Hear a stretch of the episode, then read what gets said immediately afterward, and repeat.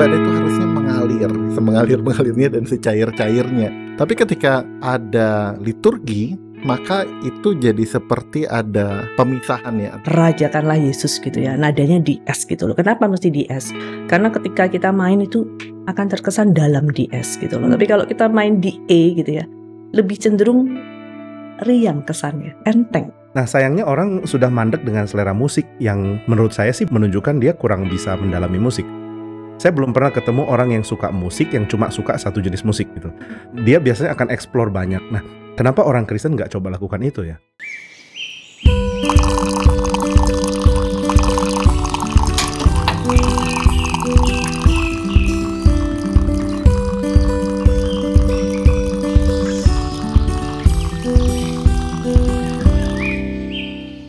Selamat pagi Pak Jimmy. Selamat pagi Pak Sam. Selamat pagi Ibu Meta. Pagi. Selamat pagi ini kali ini kita ngobrol-ngobrol kalau biasanya mungkin kita berdua atau ada satu orang bapak-bapak. Nah kali ini ada seorang ibu uh, yang menemani kita. Bu Meta sendiri pelayan musik juga di Geri Karawaci. Ya, betul. Tapi kalau saya tidak salah sekolahnya bukan sekolah musik ya Bu ya. Tapi Enggak, enggak sekolah pelayanan secara khusus memang Ya. bagian musik ya di Geri Karawaci. Dan tema pagi ini saya mau ajak ngobrol satu tema yang sangat menarik yang cukup dekat dengan kehidupan bergereja orang Kristen pada umumnya itu soal musik, Pak. Musik dalam ibadah. Nah, musik itu sebenarnya sepenting apa ya peranan dalam sebuah ibadah? Kalau di Geri Karawaci, ya mungkin kalau di persentase kalau saya bayangkan sekitar 30-40 agak kurang dari 50% dari porsi ibadah karena firman Tuhan secara durasi ya saya bicara secara durasi itu cukup cukup panjang kalau di Geri Karawaci. Hmm. Di gereja lain mungkin lebih panjang, sedikit lebih panjang atau bahkan sangat panjang durasi musik dalam ibadah. Sebenarnya porsi musik dalam ibadah atau peranan dal- musik dalam ibadah itu seperti apa, Pak? Wah ini temanya besar sekali. perlu seminar berapa SKS? Tapi manusia kan nggak bisa lepas dari musik. Maksudnya Ya. ketika dia seneng dia bisa ekspresikan dengan musik. Ketika Ya. sedih juga. Dan pasti wajar ya ketika dia mau menyembah Tuhan juga dia ekspresikan dengan musik. Hmm. Sebenarnya bukan cuma agama Kristen tapi ya agama-agama umumnya juga mengerti bagaimana kaitkan menyembah itu dengan musik. Hmm. Nebukadnezar misalnya di kitab Daniel kan bikin ada musik kemudian orang menyembah patung yang dia buat. Jadi kayaknya agama dan musik memang sudah sangat dekat gitu satu sama lain.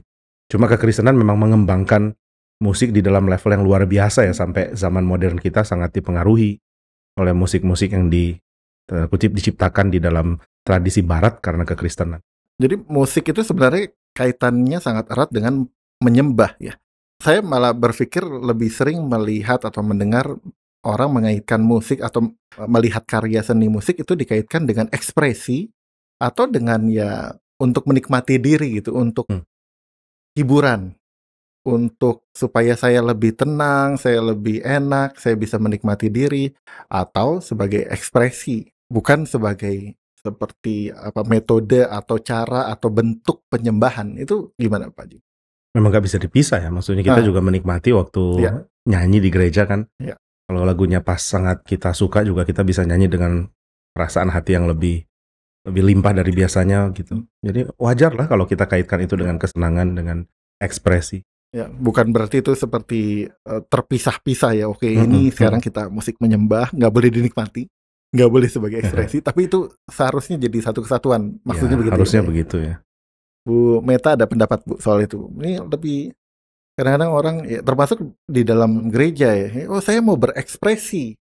Saya bukan sedang eh, menyembah iya, tapi itu seperti bukan porsi yang utama eh, ketika saya misalnya bernyanyi atau menikmati pujian yang ada di gereja. Saya terkesan dengan musik di dalam kekristenan ya. Hmm. Itu saya pribadi mengalami dan mungkin ada orang-orang tertentu yang juga eh, akan merasakan ataupun kita semua yang beribadah akan merasakan bahwa tidak ada musik yang indah gitu ya. Hmm. Selain daripada musik di dalam ibadah begitu menurut saya. Dan itu merupakan satu ekspresi yang mendalam daripada jiwa kita gitu ya. Ketika kita mau datang gitu ya kepada Allah ada satu bentuk penyembahan Hmm, gitu ya. ya. Dan kemudian di dalam liturgi ibadah itu kan ada empat pujian yang biasa kita nyanyikan. Itu Hmm. saling terkait satu sama lain gitu Sam ya. Ya. Misalnya bagian yang pertama lagu pujian pertama berupa pengagungan kepada Tuhan. Kemudian bagian yang kedua ada ucapan syukur gitu Hmm. ya. Kemudian satu permohonan di lagu pujian Ya. yang ketiga dan yang keempat ditutup dengan satu tekad kita gitu ya. Hmm. Setelah kita mendengarkan bagian dari khotbah dan lain-lain. Jadi ini saling terkait satu sama lain dan menurut saya ini adalah betul dikatakan ekspresi gitu ya. Tetapi lebih daripada itu kita bisa mengatakan bahwa adalah satu perasaan rasa syukur kita gitu ya kepada Tuhan kita. Ya. Ini Seperti itu. ini menarik Bu Meta udah langsung ngomongin soal liturgi ya. Mm. Udah bukan cuman masuk ke musik tapi liturgi. Saya punya beberapa pengalaman mengaitkan ya liturgi ibadah itu harusnya mengalir gitu ya. Ya, mengalir semengalir mengalirnya dan secair cairnya. Ya. Tapi ketika ada uh, liturgi maka itu jadi seperti ada pemisahan ya antara uh, dan ada proses antara uh, bagian yang pertama misalnya dari mulai penyembahan, habis itu ada bagian kesaksian dari kehidupan Hmm. orang Kristen. Nah, sebenarnya musik itu dalam ibadah harus semengalir-mengalirnya benar-benar fluid atau memang harus terbagi-bagi proses gitu, Pak. Mengalir-mengalir itu maksudnya gimana? Jadi saya sering ketemu teman-teman yang memang melihat kalau datang ke ibadah itu ya ini ekspresi saya terserah saya mau anggap ini penyembahan atau mau anggap ini sebagai kesaksian hidup yang penting saya bisa mengekspresikan Hmm. terserah saya sebenarnya mengalir itu tuh kata pengganti dari ya terserah saya sih mau nyanyi kayak apa juga juga terserah saya apakah memang harus terstruktur gitu Pak Jim Terstruktur dalam arti eh, maksudnya gimana? Eh, musik pertama, kedua, ketiga, keempat beda-beda dan ada pembagian yang jelas gitu maksudnya atau gimana? Kalau tadi Bu Meta bilang ada fungsinya, oh musik yang pertama ini untuk penyembahan, Oh, maka yang kedua ini untuk uh, menyatakan iman, Hmm. yang ketiga ini mempersiapkan kepada firman. Ya, tergantung liturgi kita sih memang maksudnya kita mau pakai musik itu setelah itu mau diarahkan ke bagian mana gitu dari Hmm. ibadah. Mungkin kalau mau mendengar firman kita akan pilih lagu-lagu yang lebih bertema ke firman atau mendengar firman Tuhan atau kami siap hati mendengar gitu-gitu kan. Nah, di awal eh, kita menyadari Allah itu hadir dan dia mulia dan kita ingin menyatakan kekaguman kita kepada Tuhan. Jadi memang ada setting seperti itu. Tapi saya ragu ya kalau ada gereja yang nggak punya setting seperti itu. Saya pikir semua gereja ada gitu. Cuma mungkin dengan metode yang agak beda sehingga terkesan ada yang lebih cair atau mengalir, terkesan ada yang uh, lebih terpotong atau gimana. Tapi nggak mungkin lah uh, sebuah gereja nggak pilih lagu dengan sengaja gitu. Atau misalnya MC-nya mau pilih lagu ini, tentu ada tujuan kan kenapa Ya. dia pilih lagu itu. Ya, ya itu itulah fungsinya liturgi juga seperti itu, Pak. Mm-mm. Tapi liturgi itu ada berbagai macam kan ya, Pak. Yang saya tahu bahkan contoh-contoh di dalam Alkitab pun juga ada contoh-contoh liturgi atau contoh-contoh doa yang ada tahapan atau ada bagian-bagiannya yang akhirnya dipakai untuk liturgi. Jadi apakah ada liturgi spesifik yang baku untuk sebuah ibadah, Pak? Masing-masing gereja ada tradisi yang berkembang sendiri sih. Hmm. Kita dari GRI misalnya a- a- ada banyak pengaruh dari tradisi Injili kan. Kemudian kita juga pakai banyak lagu-lagu dari Injili, tapi salah satu yang penting adalah kita nih diingatkan bahwa tradisi Injili itu cuma salah satu. Hmm. Ada juga tradisi dari zamannya Lutheran misalnya atau dari uh, Genevan Psalter dari dari uh, Geneva misalnya. Sehingga kita juga belajar untuk mulai telusuri tradisi lain. Kayaknya ini hal yang penting di dalam gereja bermusik gitu. Hmm. Bahwa kita mulai keluar dari kebiasaan kita dan mulai ambil tradisi orang lain juga. Hmm. Jadi keluasan itu kayaknya jadi ciri ya untuk kita pilih musik. Nah, ini bicara tradisi ini menarik juga, Pak. Karena ada anggapan nih, kita dari GRI dan dari gereja yang reform, ini gereja seperti ini dianggap ketinggalan zaman, Pak. Nggak mengikuti tradisi atau culture yang berkembang sekarang. Saya ambil contoh misalnya, sering sekali saya dapat pertanyaan, kenapa gereja kamu atau GRI misalnya itu nggak pakai drum, nggak pakai uh, gitar listrik, nggak pakai uh, band, full band. Apakah ada prinsip di balik itu atau memang nggak mau aja kita ngikutin tradisi yang bertahun-tahun ada di gereja reform gitu atau gimana Pak? Kalau kita nanti ngomongin cuma teori, kalau yang praktisi mungkin. Oh iya iya. Bu kalau Nah, ngiringin ini- piano lebih enak sendiri atau ditemani Nah, drum? betul betul. Iya, kalau saya pribadi, eh, saya juga belajar drum dulu gitu ya.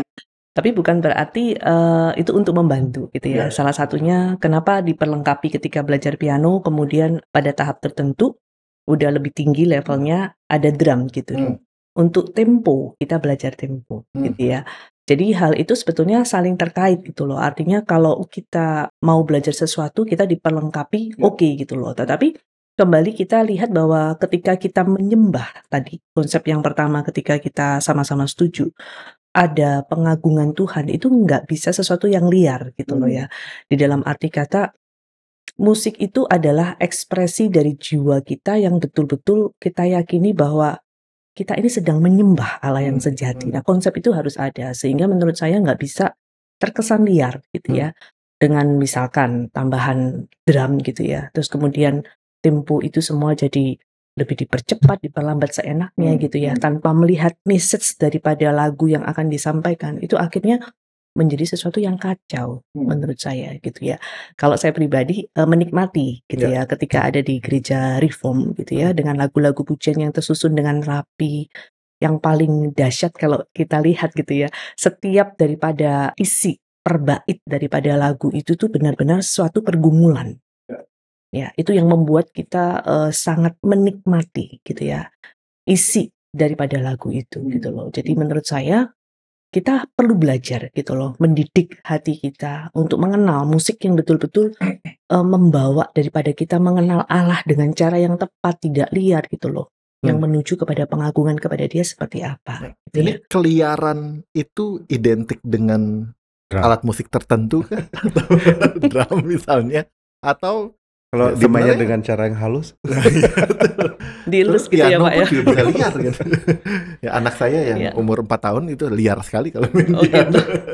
atau Jadi atau rame gimana? ya. Jadi rame. Iya, menurut saya liar itu eh, nanti akan menciptakan suatu emosi itu yang tidak terkontrol gitu ya. Kita dengan Ya. satu puji-pujian kita merasa sangat dekat sekali sama Tuhan gitu Ya. loh.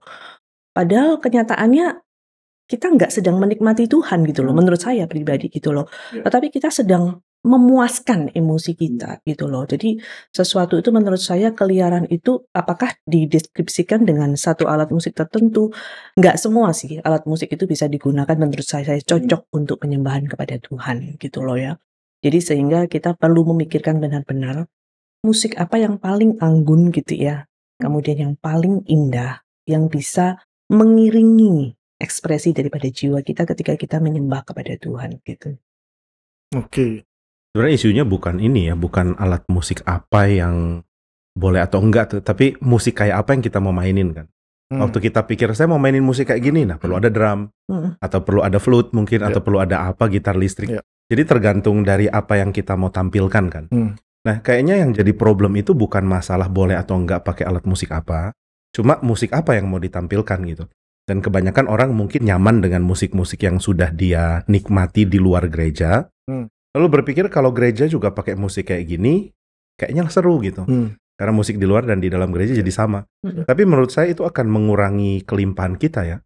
Karena kita menikmati satu jenis musik di luar dan waktu masuk ke gereja jenis musik yang sama lagi yang ditampilkan. Hmm. Kayaknya nggak ada kekhususan gitu ketika kita mau beribadah. Padahal kan jauh lebih bagus kalau ada kekhususan gaya, kekhususan jenis musik, kekhususan alat musik yang menunjang supaya ketika kita masuk ke gereja tuh ada suasana lain yang nggak sama gitu dengan di luar. Kalau bicara tadi jenis musik, bicara jenis musik atau genre musik, nah, itu juga patut dipertimbangkan kah Pak Jimmy atau Bu Meta di dalam ibadah misalnya. Saya ambil contoh kalau di Geri kan biasanya kalau Pak Tong atau di gereja-gereja cabang Geri ada kesaksian itu biasanya kesaksian pujian klasik lebih seringnya. Nah, meskipun tidak selalu. Atau memang ada kesempatan, ada celah untuk genre musik yang lain untuk bisa masuk di dalam ibadah.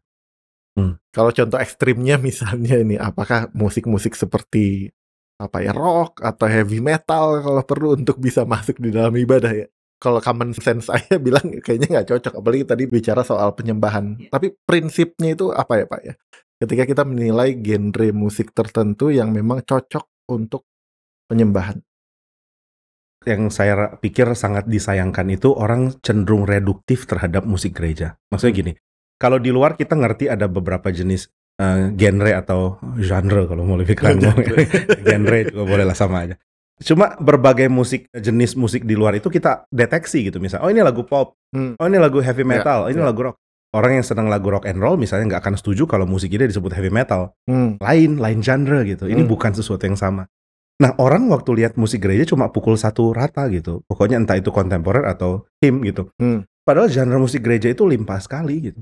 Jadi gaya orang di Scotland nyanyi di abad yang ke-16 misalnya lain dengan gaya orang Jerman nyanyi, lain dengan tradisi dari Amerika di abad 19. Nah, genre-genre yang banyak dari musik gereja ini nggak dikenal. Jadi seolah-olah cuma ada either musik gereja dan kelimpahan dari dunia dan ini kan problem. Nah, tapi kalau kita lihat bahwa gereja juga menghasilkan musik yang limpah dari zaman abad yang ke-7 sampai abad yang ke-21 ini kan masih ada musik-musik baru yang juga ditulis. Ya gereja sebenarnya banyak sekali eh, jenis ya dan kayaknya kalau kita eksplorasi berarti kita tahu ada berbagai macam ekspresi memuji Tuhan dari semua jenis-jenis ini. Kita nggak perlu pinjam dari luar sebenarnya kan ini pun udah banyak. Gitu sih. Jadi lebih ke arah memahami kekayaan musik gereja itu kayaknya penting untuk dilakukan oleh orang Kristen. Tapi ada cara nggak ya untuk bisa memahami atau mencari tahu kedalaman musik gereja untuk memperluas wawasan kita tentang musik gereja itu apa yang bisa kita lakukan ya sebagai orang Kristen sebagai jemaatnya? Apa memang mesti gali lagi perpustakaan atau gimana cara meningkatkan pemahaman itu ya? Pemahaman untuk menggali ya, Ya, menggali Untuk kedalaman. kesadaran bahwa memang seperti tadi Pak Jimmy Heeh. bilang musik gereja itu begitu kaya, begitu dalam dan banyak sekarang malah orang bilang wah ini kok musik gereja ini ini doang gitu padahal enggak Kalau menurut saya pengiring itu salah satu yang berperan ya kayak eh, Mm-mm. perannya Bu Meta ini penting gitu. Jadi Mm. kita bisa baca orang yang bisa punya variasi dalam mengiringi misalnya ya. Hmm. Oh ini lagu him dari Amerika abad 19. Nah, Hmm. gaya gaya mainnya ada. Mm-mm. Oh ini lagu dari Jenny Van Salter, gaya mainnya ada lagi. Nah itu akan menolong jemaat sih. Jadi variasi iringan, kemudian juga ya kemampuan penyanyi atau song leader atau singer atau seluruh jemaat untuk nyanyi dengan sungguh-sungguh kayaknya udah sangat agak ini menolong ya. Maksudnya lagu itu sendiri udah punya karakter dan ketika kita nyanyi dengan serius ya kita sendiri harusnya bisa merasakan atau menikmati keragamannya sih. Hmm, iya. Bener nggak Bu? Tolong koreksi kalau salah. Menurut saya yang penting ini ya, ketika kita mau main gitu, kalau saya pasti akan lihat gitu loh, misalkan dari judulnya gitu ya, judul lagu itu. Kemudian kita bisa membantu juga gitu ya, Sam dengan mendengarkan YouTube gitu ya, untuk him instrumental dan lain-lain. Misalnya kita mau lihat caranya lagu ini disampaikan seperti apa begitu ya. Sehingga itu menambah kita untuk boleh memahami sebetulnya bagaimana kita eh, rindu untuk diperkaya terus gitu loh. Bukan artinya kalau pianis misalnya aku udah biasa nih gitu ya Hmm. main eh, lagu rock tenang gitu ya. Jadi nggak perlu latihan lagi gitu ya, nggak perlu persiapan lagi. Saya pikir nggak seperti itu gitu ya. Tapi ketika kita mau memainkan eh, lagu itu kita mesti bergumul gitu loh. Apakah setiap daripada bait lagu itu itu benar-benar mengena di kita dulu gitu ya. Kita tangkap esensi itu, kemudian apa yang diminta oleh penulis kita bisa sampaikan kepada jemaat. Itu menurut saya sangat penting sekali. Sehingga setiap pemusik itu tidak bisa sembarangan gitu ya. Saya mau melayani Tuhan gitu ya. Kemudian nggak belajar gitu ya, atau belajarnya SKSD Hmm. cepet gitu ya, atau pas detik mau latihan sama liturgi song leader baru baca. Itu Ya. sangat akan tidak membantu kita untuk menyampaikan ya kedalaman isi, kedalaman message yang diusung oleh penulis lagu ini. Jadi kita terus harus memperkaya diri kita sendiri yang tentunya bagi saya satu lagi ya eh, memahami firman ya melalui khotbah, melalui apa pun yang disampaikan di gereja gitu ya. Kita bisa merasakan lagi bahwa ada lagu-lagu pujian yang bisa mentransfer gitu ya. Mentransfer dari isi message khotbah yang dimaksud untuk membawa kita mengerti lagi bagaimana mengiringi gitu ya. Karena kita paham gitu loh inti daripada apa yang ingin disampaikan lewat lagu itu. Jadi pengertian akan lagu itu, konteks ketika lagu itu Iya. dibuat, background culture lagu tersebut itu Iya. juga penting untuk kita tahu, Pak, ya. membantu kita memahami Iya, kedalaman betul. dari Betul, lagu betul tersebut. sekali. Saya ingat beberapa minggu lalu Pak Jimmy eh, di dalam ibadah itu meminta pianis kita untuk coba ini jangan serendah ini eh, nadanya, gitu. Nada. coba kembalikan ke nada kunci yang Habis itu saya diprotes seluruh pianis. Setelah itu maka pianis harus siap-siap kalau Pak Jimmy yang Iya, khotbah. iya. Tapi saya pikir, saya pikir-pikir lagi, oh ya benar juga waktu itu argumennya Pak Jimmy kalau saya tidak salah ingat adalah ya ini penulis lagu itu sudah membuat lagu itu dengan berbagai pertimbangan, pergumulan dengan nada yang seperti itu dan kita Hmm. jangan dengan mudah menaikkan atau menurunkannya ya. Ya, betul, ya. betul sekali. Misalnya Iya. kita main di nada S gitu ya, atau di E, walaupun bedanya cuma setengah gitu ya. Tapi nada S itu mengusung kedalaman gitu ya. Misalnya mau bicara tentang pengagungan gitu ya. Rajakanlah Yesus gitu ya. Nadanya di S gitu loh. Kenapa mesti di S? Karena ketika kita main itu akan terkesan dalam di S gitu loh. Tapi kalau kita main di E gitu ya, lebih cenderung riang kesannya gitu ya, enteng gitu. ya. Jadi walaupun setengah beda nada gitu Sam ya, tapi ini sangat berpengaruh sekali terhadap bagaimana kita akan mengajak seluruh jemaat memahami pujian ini harus dinyanyikan seperti apa gitu. Itu penting sekali. Maka pemusik saya setuju gitu ya. Oh, nggak ada bisa. backup. nggak bisa naik turunkan sembarangan gitu loh hanya karena merasa dia nyaman main di situ dengan alasan misalnya ketinggian gitu ya Hmm. Nanti jemaat nggak bisa nyanyi itu bukan sesuatu alasan yang Hmm. menurut saya bisa dipertanggungjawabkan sih Hmm. seperti itu saya mungkin nggak bisa jelaskan dari sisi s- musik gitu cuma saya pikir suasana kita memuji Tuhan kemudian lagu yang dipakai kalau itu menunjukkan gereja itu itu bagi saya sih sesuatu yang sangat ini ya sangat limpah Hmm. karena saya sendiri juga cukup ragam dalam menggemari musik saya cukup suka banyak jenis musik cuma saya nggak mau musik-musik yang lain yang meskipun saya mungkin bisa dengar di luar gitu itu Hmm. masuk ke gereja gitu saya maunya gini Boleh ya ambil contoh Nah. atau nggak boleh? Boleh ya. Dari waktu SMP misalnya saya cukup seneng dengar musik-musik seperti ya, Guns N' Roses gitu misalnya. Kemudian makin tua justru makin lihat yang lama seperti Led Zeppelin, Beatles dan lain-lain.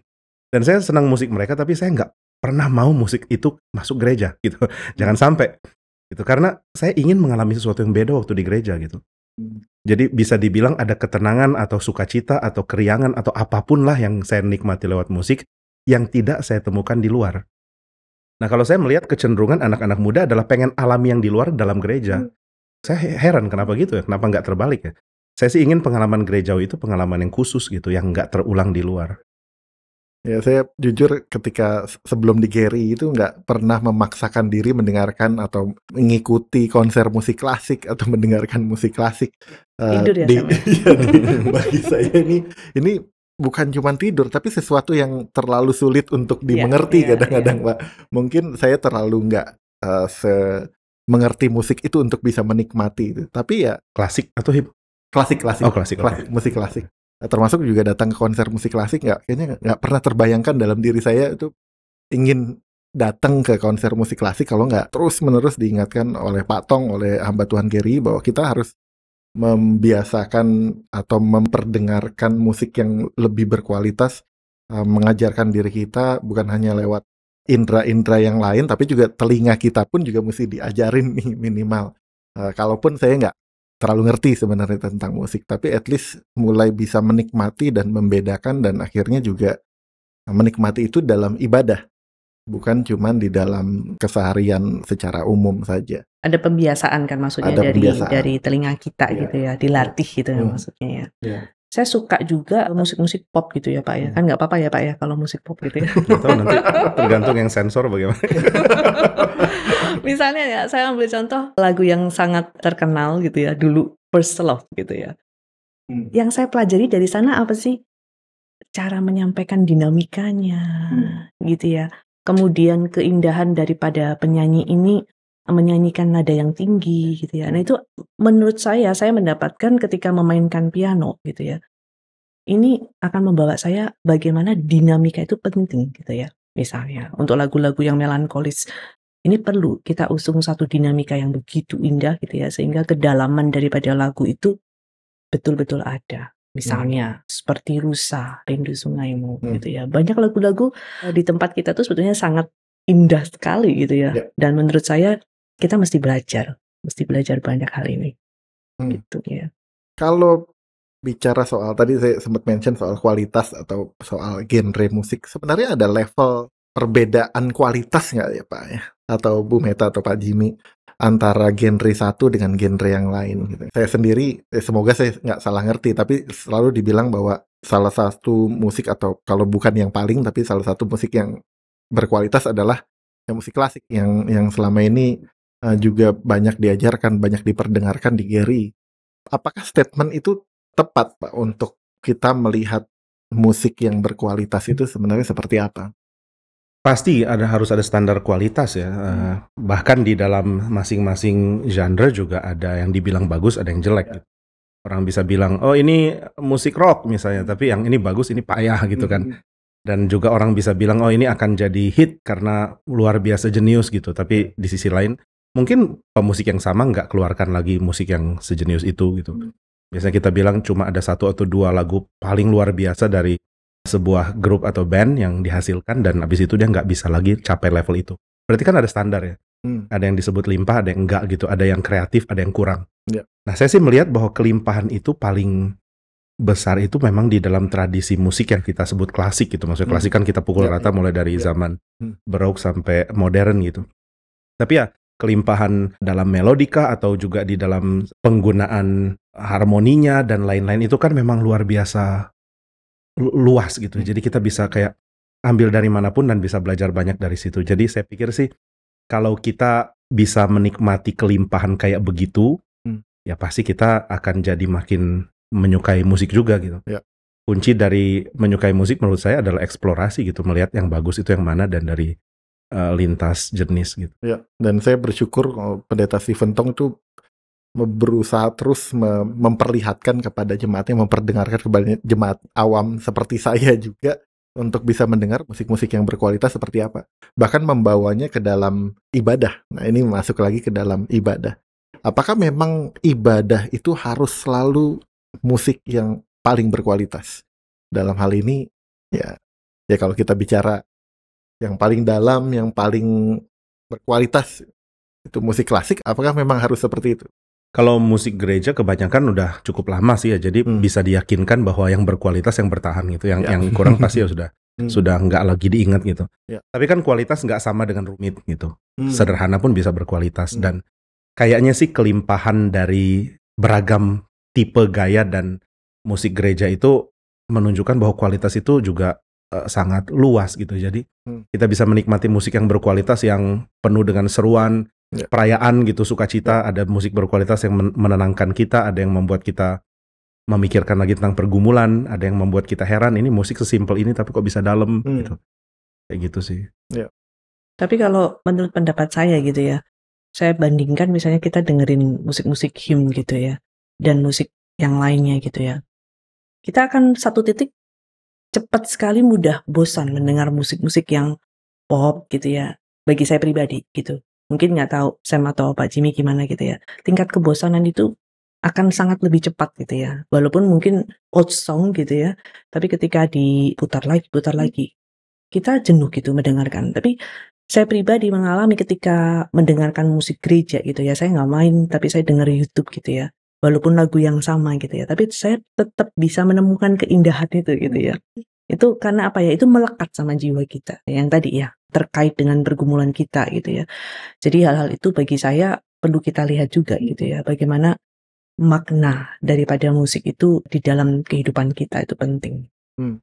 Ini sebagai pertanyaan terakhir kira-kira apa ya yang seorang Kristen itu perlu lakukan untuk bisa menikmati musik dalam ibadah atau menikmati musik secara umum, musik yang berkualitas khususnya di dalam ibadah apa yang harus orang Kristen lakukan?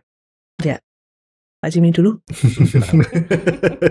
Udah mau ngomong jangan dipotong. Oke, okay. uh, eh, yang pertama tentunya kita nggak bisa menikmati musik itu di dalam ibadah kalau kita sendiri itu tidak belajar untuk mau bertumbuh hmm. di hadapan Tuhan, gitu ya.